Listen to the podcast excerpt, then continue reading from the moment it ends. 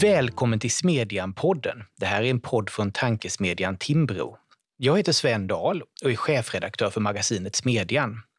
Idag ska vi prata om varför unga välutbildade väljare i storstäderna röstar vänster och de utmaningar det innebär för oss på den borgerliga sidan. I förra veckan var det kommunalval i Danmark och i Köpenhamn blev Vänsterpartiet enhetslisten största parti med nästan en fjärdedel av rösterna. Socialdemokraterna, som historiskt sett dominerat Köpenhamnspolitiken, backade ordentligt och fick ungefär 17 procent av rösterna.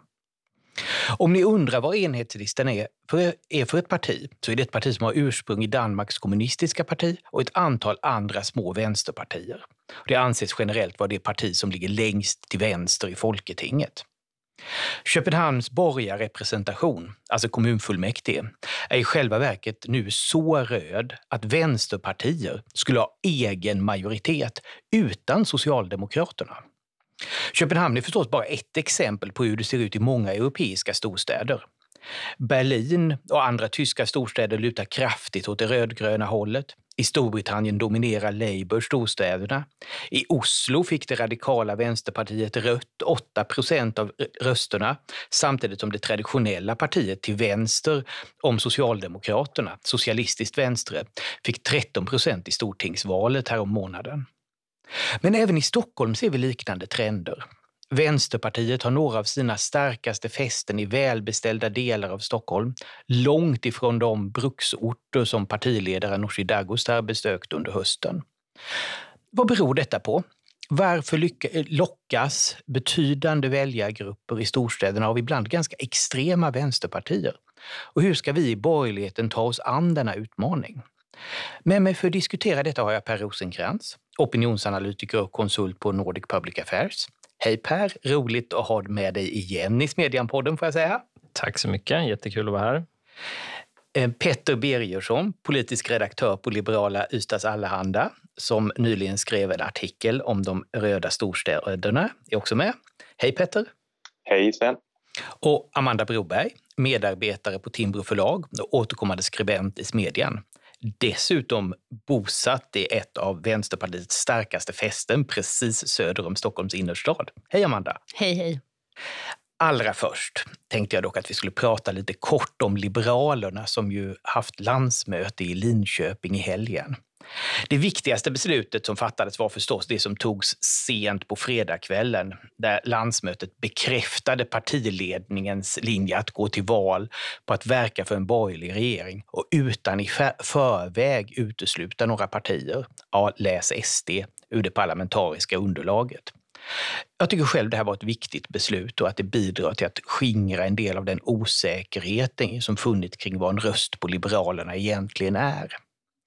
Men ett stort osäkerhetsmoment kvarstår förstås. Det är om de politiker i exempelvis Stockholm som profilerat sig på en isoleringslinje gentemot SD är beredda att den här gången sluta bråka och sluta upp bakom Sabuni. Jag tror att det är ganska mycket det som kommer att avgöra om Liberalerna klarar spärren.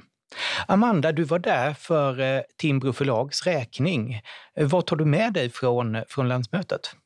Jag satt ju mest ute då i utställarhallen och stirrade IOGT NTO i vitögat hela helgen. Och det påminner lite om att det här är ändå ett parti som är sprunget ur liksom frisinnet. Och den folkpartistiska själen är väl också mycket av det som, som många av liberalerna här eh, på olika sidor vill bibehålla. Men det som jag tyckte var spännande var väl eh, det lite nostalgiska skimret som har legat över Liberalerna ända sedan Sabonis, eh, ja, ända sedan Sabuni blev partiledare.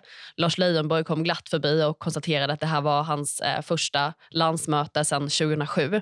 Och allmänt så tyckte jag att stämningen, förutom då debatterna om de röda linjerna, var tämligen uppsluppen. Jag hade nöjet att vara med på middagen. Det var en rekordkort middag men eh, väldigt fridig stämning får jag ändå säga. Eh, och eh, Den stora höjdpunkten var att Anders Borg höll tal.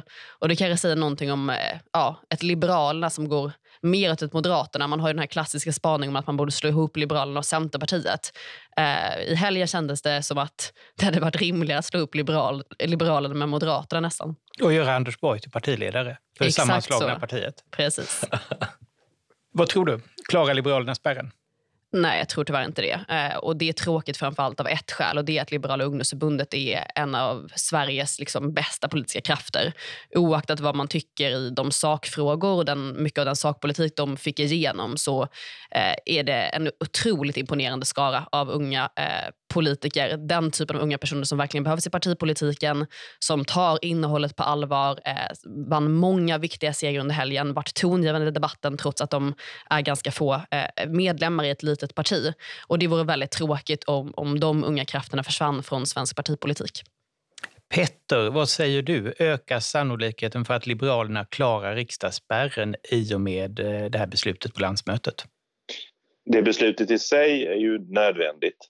Men om du hade frågat mig för ett par månader sedan så hade jag nog möjligtvis mot bättre vetande faktiskt sagt att Liberalerna kommer komma in i riksdagen och göra ett bättre val än alla förväntar sig eftersom partiledningen har börjat i den änden man måste börja.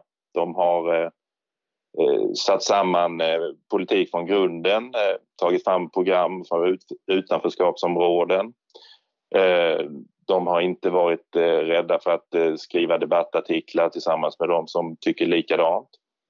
Och eh, jag tror att detta hade en, liksom en nödvändig start för att kunna nå ut till väljarna. Att man är trygg med vad man vill och att man kan förmedla det budskapet. Däremot så tror jag att de ehm, i de fall där de fick stryk här nu, partiledningen, så kan det, och precis på de punkterna som du pekar på Sven, med eh, Stockholmsliberalerna, den oron, vad, vad betyder de och finns det verkligen ett stöd för ett regeringsskifte som är tillräckligt eh, förankrat så tror jag att det kan eh, skapa oro även bland väljarna, att det faktiskt blir lite svårare för Liberalerna. Men åter till de röda storstadsväljarna.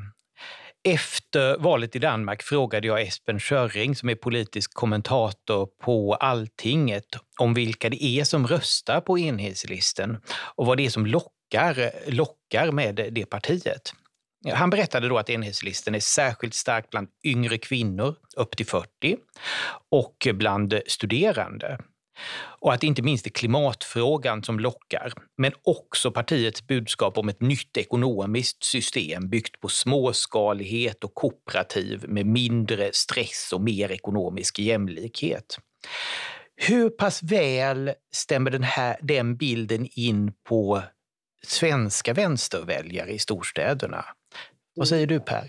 Ja, den stämmer nog ganska väl. Alltså om man tittar på den här gruppen väljare som i tidigare, de har ju rört sig mellan olika partier, egentligen i Stockholms stad och, och även andra urbana områden. För det är ett fenomen vi ser även i städer som Lund, Karlstad, Uppsala eh, och Malmö såklart. Alltså I urbana områden så finns det en enklav någonstans. I Stockholm är den ganska stor då med Södermalm och sen även söder om Söder där Vänsterpartiet har numera då ett oproportionerligt om man säger så, stort stöd. De är större i valet. I Vissa valkretsar var de ju större än Socialdemokraterna. Om man hör om opinionsmätningar som har gjorts nu att de är större på flera håll och sånt. Eh, men de väljarna röstade ju tidigare mer på Fi ehm, och eh, historiskt också mycket på Miljöpartiet. Så man har ju rört sin krets kring partier. Eh, och, Det ringer väl in några av de där frågorna. Men däremot om man får en specifik fråga varför just Vänsterpartiet, det, det är då det blir lite mer oklart. För tittar man på den här gruppen så är det så om man tittar på utbildningsnivå så har alltså Vänsterpartiet ett högre stöd bland kvinnor, högutbildade kvinnor än lågutbildade. Eh, och Det beror ju på den här stora gruppen då, storstadsväljare. Eh, och de, de, varför just då Vänsterpartiet? När vi vet att kanske samma individ röstade på Fi, särskilt lokalt, då, eh, för något val sen. Eh, är det liksom just socialismen, eh, socialistiska historien inom Vänsterpartiet eller nåt annat? Och jag vill tro att det mer handlar om att en grupp väljare som urbana, precis egentligen samma sak vi ser på högerkanten, nota bene. Alltså på högerkanten har vi Folkpartiet i storstäderna som är mycket större bland högutbildade. Så man är moderat, men sen ja, eh, så blir man då folkpartist eller väljer ett annat parti. Även då Centerpartiet har haft en sån effekt i senaste valet och inom, man står på vänster politiskt Eh, men Socialdemokraterna känner man inte representerar själv, eh, kanske för att det är för traditionalistiskt eller för mycket förknippat med makten. Och Då röstar man på den uppkomlingen av de här partierna. Eh, problemet verkar vara lite grann att när de partierna får makt sen som Miljöpartiet eller Fi i Stockholms stad och Europaparlamentet då tappar de i popularitet i den här gruppen och så går man vidare till nästa parti. Och nu under den här mandatperioden så har det här partiet blivit Vänsterpartiet. Eh, frågan är ju om Vänsterpartiet skulle komma in i en regering till exempel, skulle de då tappa och så skulle det gå till någon ny kraft? Så det är lite svårt att se den exakta sakfrågan, men det är helt uppenbart att det finns en, en relativt stor grupp eh, storstadsväljare eh, överrepresenterat bland kvinnor, högutbildade eh, och urbana som, som röstar på den här typen av partier även i Sverige. Jag kan inte komma ifrån att det finns något paradoxalt här för det här är ju människor som egentligen dagligen skördar frukterna av den moderna kapitalismen, men som ändå säger sig vilja ha någonting helt annat och är, och är beredda att rösta på partier som säger sig vilja så här, ompröva dagens ekonomiska system. Hur ska, man, hur ska man förstå det? Ja, ibland kan det, måste jag faktiskt erkänna. Jag, jag har jobbat med opinionsanalys och haft fokusgrupper med väljare och sånt där. Man måste ta alla väljares perspektiv på allvar. Men det här är en grupp väljare som ibland har lite svårt att ta på allvar, måste jag erkänna. Och man träffar på, eh, man träffar någon ung tjej Eh, och hon jobbar på ett techbolag som är riskkapitalfinansierat via USA. Och så visar det sig att hon röstar på Vänsterpartiet och så bor hon i sin bostadsrätt. Och så tänker man att om de fick styra så skulle du inte ha något jobb och du skulle inte äga din lägenhet. Men då inser man att det handlar inte om hennes liv och hennes vardag. Och Det skulle kunna vara en kille också. Det, men, utan det handlar ju om att eh, det är en värdering mer, en attityd. Och det skiljer det lite från andra eh, väljare. Alltså när man tittar från sverigedemokratiska väljare då tänker alla att det här beror på att de är invandringskritiska eller att de har ett misstro mot etablissemanget. När man träffar en moderat väljare så utgår man från att, att de här är missnöjda med skattenivån eller så.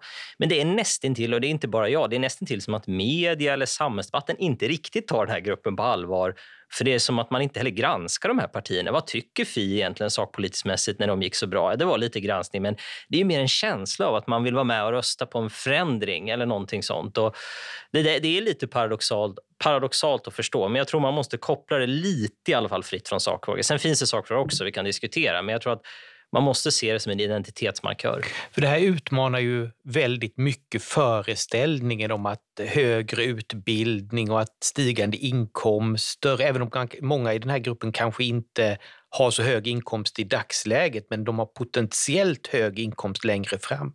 Och att äga sin bostad och att det skulle öka benägenheten att eh, rösta på partier till höger. Det här vänder lite upp och ner på den föreställningen. Mm. En sak vi vet dock, det är ju familjebildning. Man bildar familj eh, eh, och då, eh, då ökar man ju traditionaliströstningen, det vill säga då dras man mot Socialdemokraterna eller Moderaterna. Och där finns det en utmaning då i Stockholms stad, bland annat att det är ungefär 4 000 barnfamiljer som flyttade från staden förra året. Så att jag, i ett längre perspektiv, och det ska vi inte snöa in för det för mycket, men historiskt varför städer har haft en högre, om vi tittar på USA till exempel, högre andel som röstar på Demokraterna, det har ju med Eh, demografin att göra. Demografin var att stadsstjärnorna som vi vet det var ett industricentrum. Man byggde små lägenheter och sen byggde man villaområden utanför. Och så får man den röstsplittringen. Och jag har ibland funderat på, tänk om Stockholm vi inte hade haft den här klara rivningen och stadsomläggningen av centrum. Då hade vi haft en annan stadsbebyggelse i citykärnan också. Hyresreglering och bostadsrätt av avreglerade kapitalmarknader har gjort att vi har fått en, en vad ska vi säga, fler personer med höga inkomster som bor i Stockholm city. Eh, annars hade vi kanske också haft den här fler låginkomsttagare centralt och då hade vi förmodligen haft fler som röstade vänsterut också. Så det får man inte glömma bort. den här Demografi spelar roll och om man då har en situation där barnfamiljer man röstar mer radikalt när man är ung, sen börjar man mindre radikalt och, och då flyttar man till, till Nynäshamn.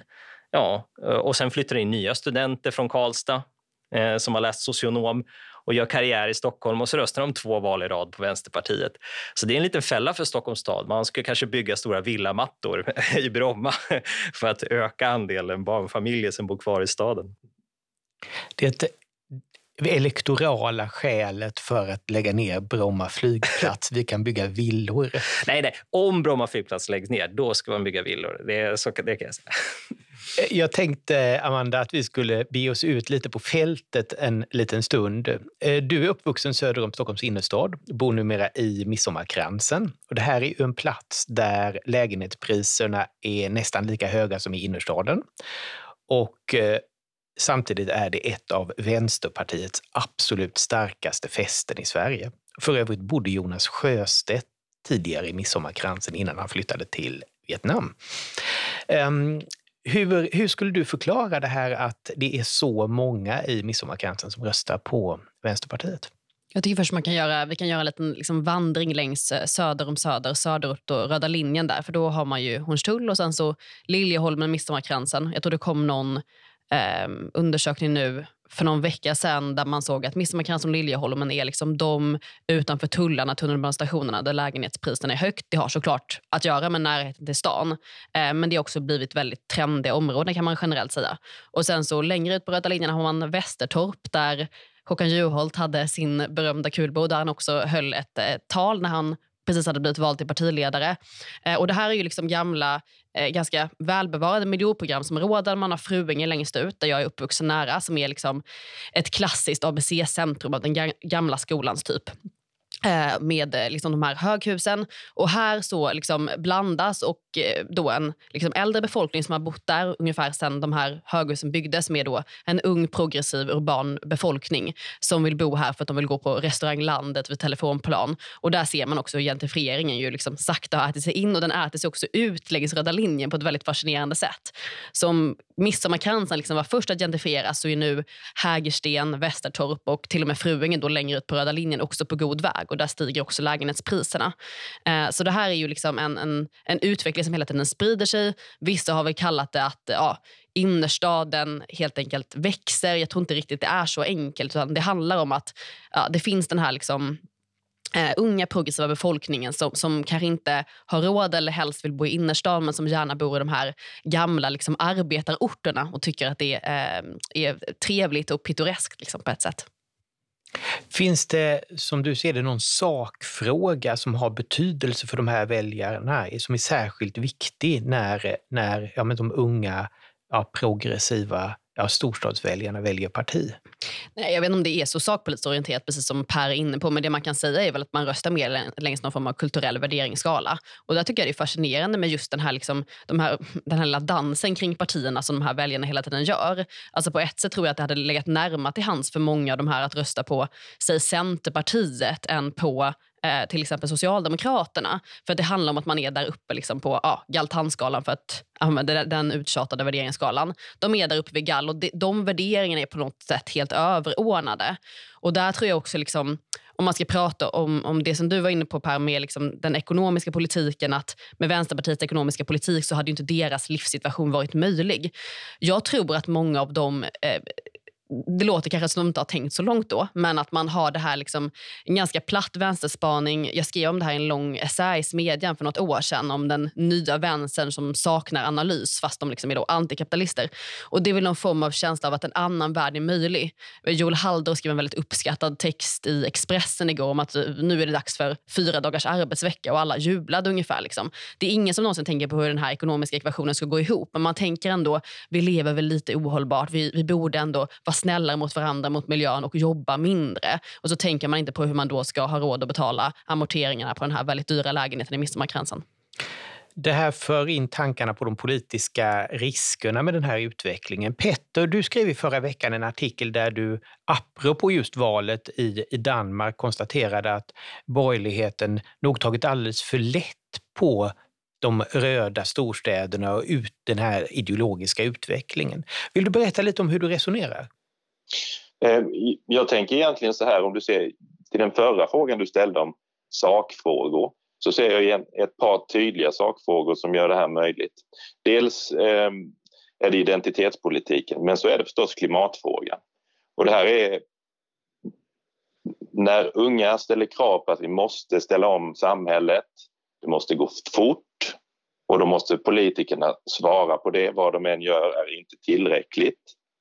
Och det blir naturligtvis ett eldorado för den typen av radikala partier som har just eh, samhällsomvandling eller samhällsomstörtning till och med på programmet.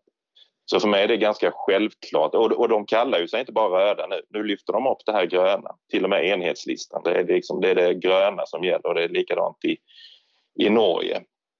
Och jag tror att det är det eh, kommer att driva på, som driver på i hög grad för de unga. Eh, svaret från borgerligheten på det här i storstäderna. Jag tror, jag tror Per var inne på det egentligen att det ser ju faktiskt annorlunda ut i Stockholm vilka frågor de borgerliga partierna driver där. Och vi ser det inom Liberalerna och vi ser det vilka man samarbetar med i Stockholm. Det gör man ju inte i Trelleborg, man samarbetar inte med samma partier. Ehm, och eh, det gör ju naturligtvis att borgerligheten där driver åt ett visst håll, man anpassar sig till sin population eh, där. Eh, risken i stort är väl det som vi ser just nu pågår att man, om vi tar aktivismen till vänster, att vi översätter den till höger, att, vi blir, att det blir radikala aktivister till höger också, att man svarar med samma mynt. Och då tror jag att man skrämmer faktiskt bort en hel del väljare i mitten för att det är trots allt kanske lite mer sympatiskt och vänligare att hålla sig lite mer till vänster än det här andra mest till höger som man faktiskt tycker är lite otäckt. Om man tycker att Sverigedemokraternas eh, bakgrund som parti den är inte speciellt fräsch. Ehm, och därför, nu är jag en sån önsketänkare för jag har ju länge slagits för att eh, den om man nu får säga det, borgerlighet fortfarande. Jag läste Per Gudmundsson i Bulletin och han förklarar just vad borgerlighet innebär. Att borgerligheten eh, röstar, har alltid varit lite radikal i storstäder och universitetsstäder och det betyder inte att man röstar på det som vi politiskt kallar borgerlighet. Eh, och då vill jag ha eh, att vi måste ha den här slags mittenborgerligheten på något sätt om vi, den representeras av Liberalerna, Moderaterna och, och Kristdemokraterna, att de måste faktiskt föra fram en trovärdig politik för att ta itu med de samhällsproblem som vi ser och som vi inte kan negligera. De måste gemensamt göra. De har gått... Eh, det, hade, det är oturligt att man har gjort en sån skarp sväng. Jag är ju den som alltid tyckt att det är eh, vad man, eh, vad man gör och inte med vem som är viktigt. Men det betyder ju inte att man måste gå all in Sverigedemokraterna utan försök hitta tillbaka till ett borgerligt gemensamt alternativ. Tyvärr så tror jag att jag har varit överoptimistisk och att det inte kommer att ske. Vad, vad säger du Per om de eh, politiska riskerna? Nej, jag, jag, jag tror pekar på många viktiga saker. Alltså det, ja, det är ju grunden så att ett parti måste ha en tydlig profil för att vinna sina väljare. Vi har ju sett när ett parti inte har det, hur det har gått. Eh, men när man har en tydlig profil så stöter man ofrånkomligen bort vissa väljare. Vissa väljare vill ha kärnkraft, vissa vill det inte. Vissa har höjd skatt, sänkt skatt och så vidare. och så vidare. Centerpartiet är ett lysande exempel. De har ökat i opinionen, men de har ju samtidigt gjort vissa väljare förbannad. Ibland framställs det i politiken som att man kan vinna i alla väljare. Och Det var väl en del av bekymret, många stora framgångar med Nya Moderaterna, men ett bekymmer var väl just påpekande att det inte finns något hinder. Det kommer alltid finnas ett hinder och det, det, är rimligt. så att säga. Eh, och då är det ju så, tar man tydliga positioner gör man vissa upprörda och regeringsfrågan är en, en tydlig sån sak. Till exempel då ska man bilda en regering med stöd av Sverigedemokraterna så kommer det vara väljare som inte, inte gillar det. Och jag tycker koalitioner är och Det gör ju grunden att det är väldigt svårt att vinna Lomma, Kramfors och Midsommarkransen. Att vara största parti i Lomma Kramfors till exempel då, och Midsommarkransen samtidigt i samma val. Det är smått skatt omöjligt för att vi har olika väljare med olika intressen och olika perspektiv på tillvaron. Det är faktiskt en del i demokratin. Och en funktion med Alliansen och borgerliga koalitioner är att man kan försöka överbrygga det.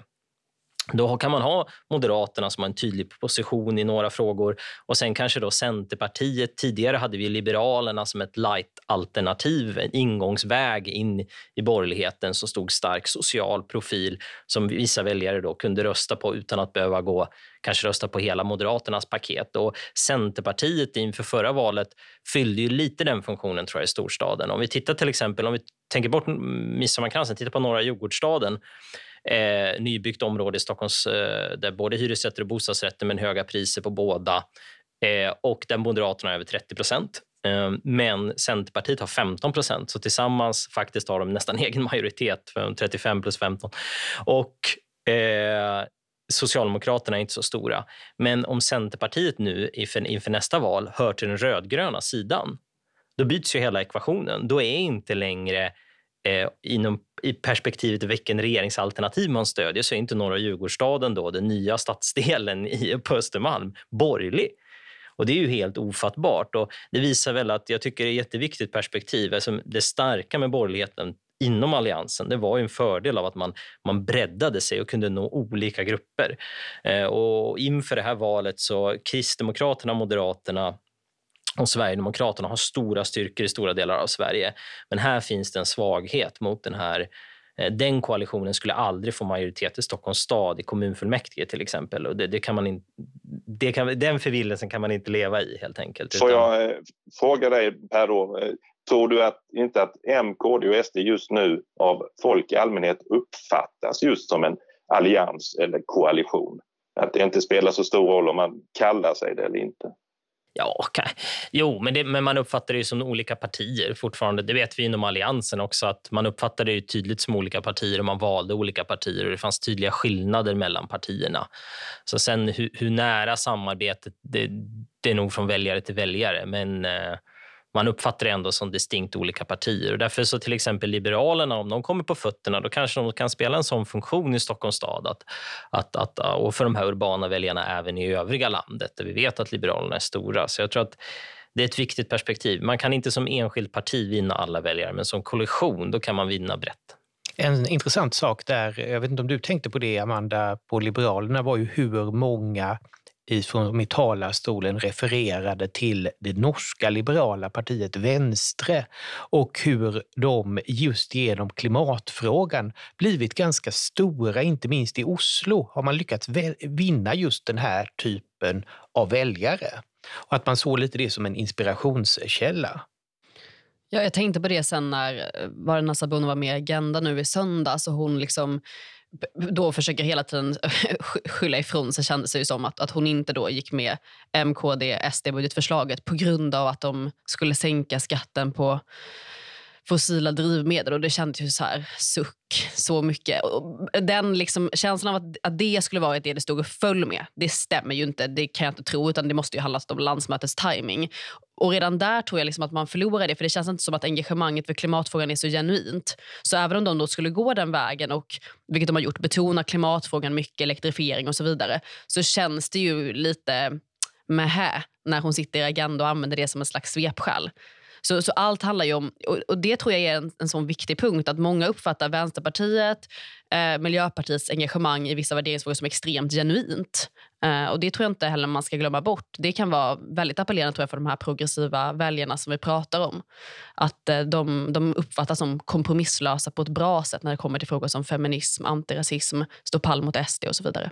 Det här tycker jag är intressant för här, just i miljöfrågan. För där finns det ju, å ena sidan ser vi en väldigt snabb teknisk utveckling, en väldigt snabb grön omställning i spåren av den. Å andra sidan finns det ju den här totala uppgivenheten i stora väljargrupper där man säger att ja, det, enda som, det enda som kan lösa det här är egentligen att stöpa om samhället totalt. Ehm, och det här, det här tycker jag är märkligt just utifrån att väldigt många etablerade politiker och medier ganska så okritiskt köper dystopierna samtidigt som man rimligtvis varje dag ser omkring sig det, hur ja, den tekniken och marknaden driver på ja, en grön omställning. Alltså finns det en risk här att vi i klimatets namn så avskaffar marknadsekonomin som vi känner den? Vad säger du Per? Ja, det finns en risk. Jag tror inte att det kommer hända och det tror jag bygger på att, för att det inte kommer funka. Eh, och jag tycker Lena Andersson skrev en bra text i Svenska Dagbladet där hon pratade om skillnaden mellan mål och principer. Och problemet lite i klimatdebatten är ju att man definierar de här målen och då blir det som att allting eh, vi ska nå de här utsläppsmålen. Och det, i sig, det kanske är bra att ha en ambition, men problemet med det blir att då, om vi ska nå dem skulle vilka åtgärder som helst vara möjliga. Medan om man istället har principer så, så blir det mer avgränsande. Men i, när det gäller den praktiska politiken så är det ju så att väljarna verkar ju ta avstånd från förslag som är för radikala och drakoniska. I praktiken är det ju så att väljarna har två tankar i huvudet samtidigt. Man, man, man skulle inte acceptera en politik som, som inkräktade på vardagen för mycket. Jag tycker vi man hamnar ofta i diskussioner om klimat och miljö. Ta till exempel att äta kött. Så, så vi såg i den SVT Agenda-debatten, det blir på en gång en väldigt defensiv att alla, men alla kommer ju inte sluta äta kött. Om man införde en lag idag om att man inte får äta kött så skulle vi ha svarta köttmarknader och köttklubbar och köttfrosseri, eller hur? Råbiff och märgben. Råbiffpartiet skulle jag starta. Ja, och liberal-konservativa hållningen att vi måste utgå från människans natur. Den är applicerbar här. Jag tror också att den är väldigt framgångsrik. Alltså jag tror bara en sak där är väl att det oroväckande är att det verkar ändå finnas en liten grupp då mer progressiva väljare som uppfattar de som vill i klimatets namn avskaffa marknadsekonomin som mer genuint oroade och engagerade i klimatfrågan än de som pratar om att det är så himla viktigt att vi bygger ut eh, ja, system för elektrifiering. Alltså det är det här liksom, hur mycket hjärta, hur mycket hjärna. Det kanske är lite platt, men, men jag tror att det kan påverka ändå vil, en, en grupp väljare i alla fall, hur, de, hur pass trovärdiga de uppfattar olika partier i klimatfrågan. Och det är en fråga som det verkligen är huggsex om nu, men man har väldigt, väldigt olika angreppssätt på den. Petter, vad säger du?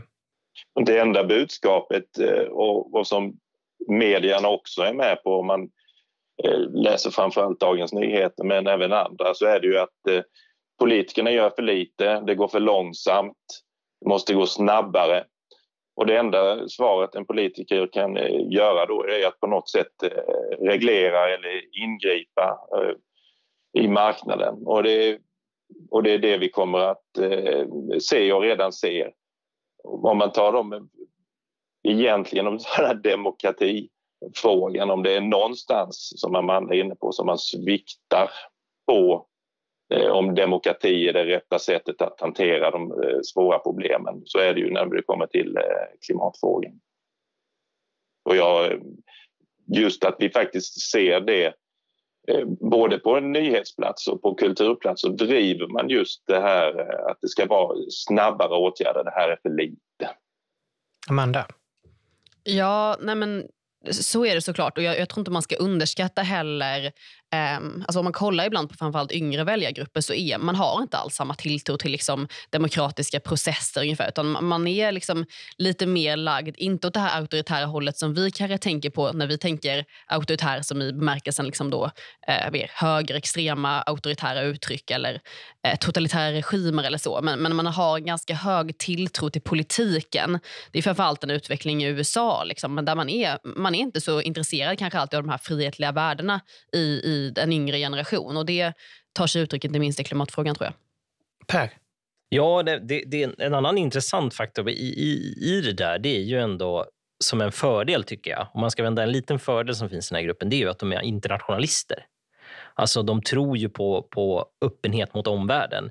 Och, eh, och hur har det med klimatet att göra? Jo, titta exempel på EU, röstningen till Europa eh, om Sverige skulle gå med i EU och EMU så var Stockholms stad hade majoritet, en av de högsta andel som ville gå med i EU och högsta andel som ville gå med i EMU faktiskt en majoritet. Det är samma sak vi ser internationellt med Brexit och så vidare.